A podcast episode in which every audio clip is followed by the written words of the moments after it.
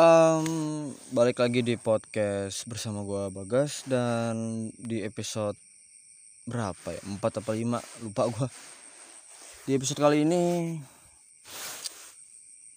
ini gua nge-record di tengah sawah dengan background suara jangkrik, suara kodok yang mana cuaca habis hujan dan gua nge-recordnya jam 2 pagi di mana pada jam itu ya masih sunyi-sunyinya suasana lah jam-jam sepi lah pokoknya. Jadi gue yakin ini suara dan kualitas suaranya bakal bagus dan bakal setara dengan mic podcast dan iPhone lah. Ya semoga aja.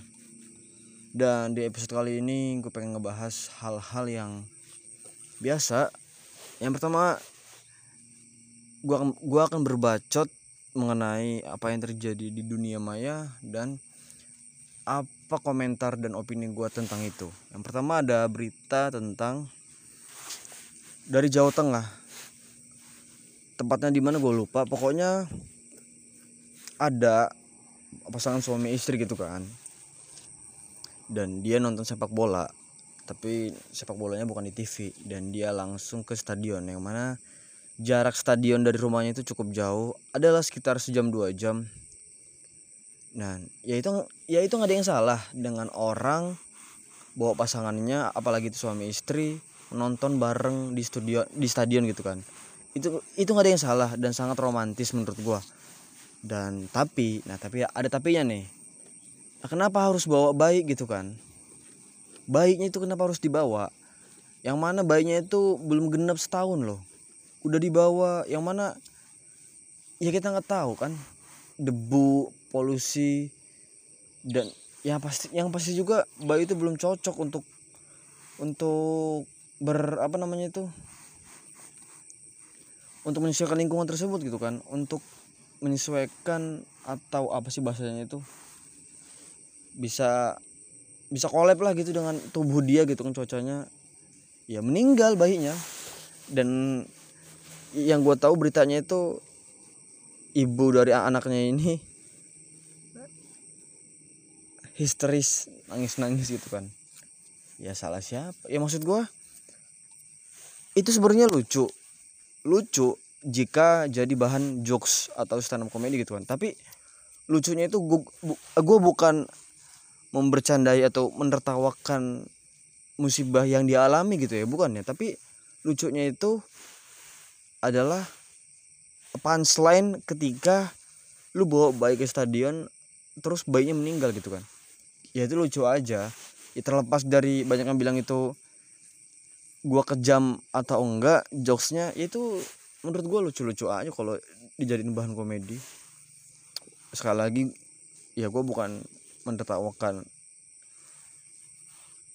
penderitaan dia gitu kan bukan kan. Tapi yang gue tertawain adalah mengapa dia bisa begitu gitu kan? Dan suaminya juga suaminya juga kenapa nggak ngelarang keras gitu loh bahwa bininya ini pengen kekeh bawa bayinya gitu kan? Apakah nggak ada mertuanya gitu yang nahan juga? Ya gua nggak tahu. Dan berita selanjutnya juga ini cukup fresh nih ya. Fresh tanggal 14 Agustus jam 8 malam lah beritanya nih beredar. Kebetulan ini di daerah gua dan di kota gua dan jarak dari rumah gua ke daerah itu 10 menit lah. Nggak terlalu jauh-jauh aman. Dan dia diduga ODGJ orang dengan gangguan jiwa yang mana dia telah membacok lima orang di keluarga tersebut. Ya walaupun bukan keluarga dia ya. Dan dia ya gua nggak tahu kenapa ODGJ ODGJ yang sebrutal itu sampai bisa sampai bisa bawa golok gitu kan. Ya ya gue nggak tahu. Padahal masih ada loh gue sering nemuin. ODGJ ODGJ yang dia masih cukup waras. Waras dalam artian ya makan minta dia. Ngomong masih nyambung gitu kan. Rokok masih bisa ngerokok gitu kan. Walaupun baju nggak dipakai. Tapi ada gue pernah kenal ODGJ yang mana itu dari gua SD sampai sekarang dia masih hidup. Dan dia sehat-sehat aja. Dan dia tetap pakai celana. Walaupun dia nggak pakai baju tapi gue salut dia pakai celana gitu loh. Seenggaknya itu kan. Dan dia rambutnya itu pas gua SD itu gimbal banget pokoknya. Bukan ya bukan gimbal sih. Ya kusem lah gitu ya ya seperti layaknya orang gila pada umumnya di jalan gitu kan yang rambutnya nggak keurus kumisnya nggak keurus. Tapi gue pernah ngeliat dia rambutnya itu botak gitu loh botak rapi dan sekarang ya numbuh lagi rambutnya. Ya semoga dia sehat-sehat aja. Dan dia sering minta dulu. Dan dia dulu itu sering sering ke warung gua untuk minta nasi. Dan dia nggak pilih-pilih. Dan saat gua kasih dia mau ya udah. Dan lanjut berita selanjutnya adalah Lucinta Luna operasi plastik lagi menjadi seperti Lisa Blackpink. Dan apakah Jungkook ingin menikahiku? Dia bilang begitu. Ya gua nggak tahu. Kenapa berita-berita itu tersebut tuh harus harus di up gitu loh? Kalah dengan berita-berita yang cukup memotivasi cukup cukup apa namanya cukup cukup, bisa untuk didapatkan hik hikmahnya gitu kan. Nah terus kalau berita dia viral alias Lucita Luna viral itu apa apa yang bisa dipetik hikmahnya gitu kan? Ya ada sih. Ya mungkin ada. Cuman gue belum cuman gue belum menemukan hikmahnya itu apa. Mungkin bagi kalian yang telah baca berita itu dan menemukan hikmahnya ya silakan kasih tahu gue gitu kan. Dan pasti akan selalu ada. Zaman apa pun dari zaman sebelum masehi mungkin drama-drama untuk sebuah sebuah kabar atau berita itu pasti akan selalu ada. Demi demi apa ya? Demi viewers. Mungkin zaman dulu bahasanya bukan viewers mungkin zaman dulu itu bahasanya mungkin para pendengar para pembaca para para penyimak mungkin zaman dulu. Zaman sekarang ya para viewers karena apa-apa online dan oh ya covid kayaknya seperti sudah nggak ada lagi covid. Bahkan berita-berita covid kayaknya sudah hampir punah. Masih kalah dengan berita-berita brigadir Simba brigadir brigadir ikan Simba yang mana dia ya namanya Simba gitulah. Pasti dia itu suka memakan bukan suka memakan dia itu suka suka menegur ikan-ikan bawahannya gitu kan lele um, patin emas mungkin atau nila iya gua nggak tahu.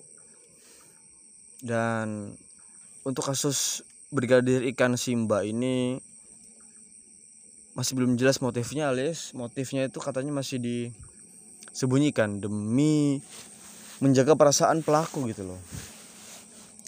Ya gue nggak tahu apakah pangkat itu pangkat dalam sebuah institusi itu mempengaruhi hukum hukum dia atau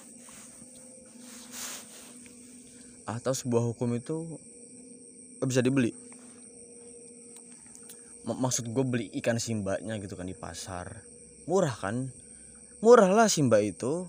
Mungkin ikan simba itu ya 10 sepuluh ribu dapat dapat 300 gram lebih lah. Murah lah simba itu setahu gue yang mahal itu adalah ikan tebak ikan apa? Ikan kepala atas alias ikan paus. Makanya dia sering berhenti kan tiba-tiba paus. Eh pas terlalu lama paus malah dia AFK ya itulah wakil ikan paus yang selalu AFK sabar dulu jangan suzon dulu. Maksud gua adalah ikan hiu yang sering AFK tiba-tiba ngilang gitu kan. Entah ke mana. Bukan bukan wakil presiden kita bukan. Nggak mungkin dong wakil presiden kita itu AFK uh anda nggak tahu kan dia beliau itu sholat tahajud terus mendoakan rakyat-rakyatnya agar lebih lebih sejahtera semuanya lebih jalanan lebih bagus. Ya nggak mungkin dong. Wakil presiden kita AFK nggak mungkin nggak mungkin. Beliau kan kiai haji. Gak mungkin dong. Dan pasti juga beliau selalu minum Neo Green Tea. Entah yang dipetik oleh orang yang berilmu. Ya gue nggak tahu. Podcast ini bakal menyinggung siapa gue nggak tahu. Ya kita lihat nanti aja. Apakah ini cukup kontroversi atau tidak ya. Dan akhir-akhir ini gue cukup sebel dengan dengan orang yang yang canggung banget gitu loh. Canggung dalam artian belum bisa membedakan mana yang bener-bener mana yang bener-bener lo itu butuh mana yang bener-bener lo itu kebutuhan eh bukan bukan. Mana yang bener-bener lo butuh mana yang bener-bener lo itu faya-faya atau boros. Ya memang sih. Itu uang uang kalian itu hak kalian. Dan gue pun punya hak dong untuk berbicara. Bener gak dan kalian juga berhak mengomentari apa yang gue bicarakan. Ya ya sesimpel freedom of speech lah. Yaitu kebebasan berpendapat. Yang mana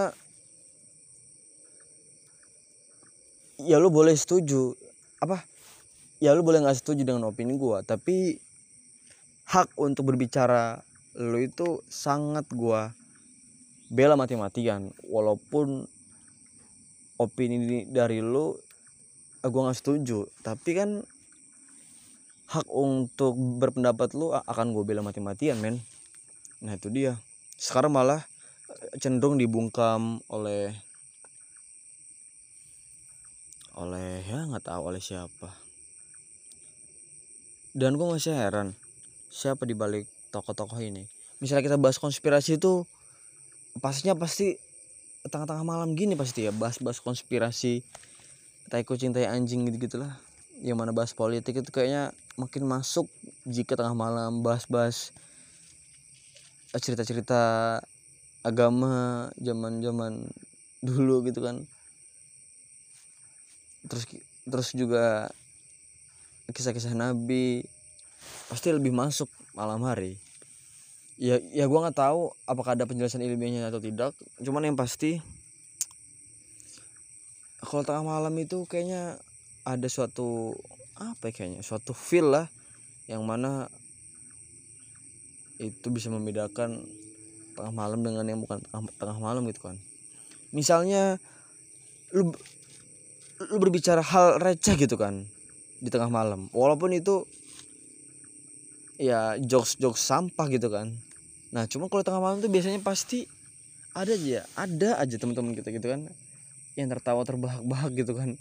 Dengan jokes jokes receh yang kita keluarkan apa rasa tengah malam gitu kan. Dan ya ya udah udah.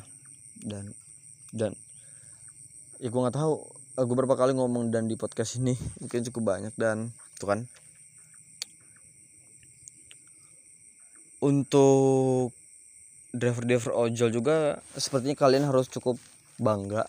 Karena kita bakalan naik ongkosnya. Dan ini beritanya cukup valid dan ini sudah ada di detik.com dan BBC dan CNN.com itu beritanya cukup lumayan tersebar dan mungkin ini valid tapi nggak tahu kapan dinaikkannya. Cuman maksud gue adalah biaya driver itu berbeda dengan biaya aplikasi.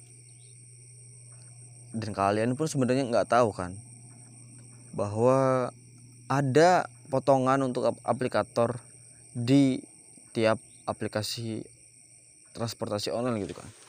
Walaupun itu beda-beda tapi biasanya itu 10 sampai 20 persen. Misalnya nih misalnya gue dapet orderan gitu kan jauh gitu kan. Taruhlah kita dari kampus Itare ke ke bandara gitu kan. Ya, ya taruhlah duitnya 80 ribu gitu kan uang cash. Nah itu potongannya itu aplikator 20% itu sekitar berapa ya? Sekitar 15 ribuan lah mungkin atau 10 ribu lah.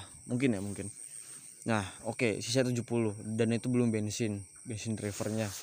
Dan itu belum biaya servis perawatan motornya. Dan ya udah mungkin itu. Dan yang dan yang, yang paling nggak ngotak itu adalah food biasanya. Terutama di aplika terutama di aplikasi-aplikasi besar gitu kan seperti dua ijo ya itu pasti ada biaya aplikasinya gitu kan. Biaya jasa aplikasi biaya layanan lah biaya bungkus lah. Dan sekarang ini makin makin gak ngotak gitu loh. Ongkir driver sudah dipotong gitu kan untuk aplikator. Tapi masih juga kita sebagai konsumen juga masih kena potongan. Masih kena masih kena fee gitu loh untuk bayar aplikatornya lagi gitu kan. Yang mana gue yakin walaupun namanya Gojek itu gue yakin sahamnya pasti yang, yang megang bukan dari kita udah dari luar ya ya, ya ya ya makanya itu sekarang di Gojek insentifnya sudah dihapus ya karena mereka mati-matian buat bakar bakar-bakar saldo gitu kan untuk promoin Gojek, Grab agar naik gitu kan. Ya gua nggak tahu. Ya gue sebagai ojol santai aja, nggak terlalu memikirkan memikirkan memikirkan hal-hal yang di luar kontrol gua yang mana gue takut salah ngomong juga. Sebenarnya bukan takut salah ngomong sih, takut gua blunder gitu kan. Nanti malah diserang SJW dan semakin lo semakin lo terkenal maka akan banyak akan banyak orang yang iri dengan lo. Itu menurut gue statement yang enggak yang enggak terlalu punya tanggung jawab gitu loh. Apa korelasinya gitu kan dengan lo terkenal dan pasti lo banyak haters? Menurut gue cukup bisa dibantah dengan banyak kok. Orang orang orang yang nggak terkenal juga banyak hatersnya. Siapa misalnya? Ya misalnya ya yang nggak tahu siapa. Ya mungkin lu pernah lah di posisi mungkin lu nggak terkenal eh bukan mungkin lu pernah lah tahu orang yang dia nggak terkenal tapi banyak hatersnya. Ya nggak sih? Ya iyalah berarti statement itu kan cukup bisa dipatahkan gitu kan dengan dengan yang bilang orang semakin dia famous semakin semakin banyak hatersnya. Dan itu cukup bisa dipatahkan tadi kan. Dan lanjut ke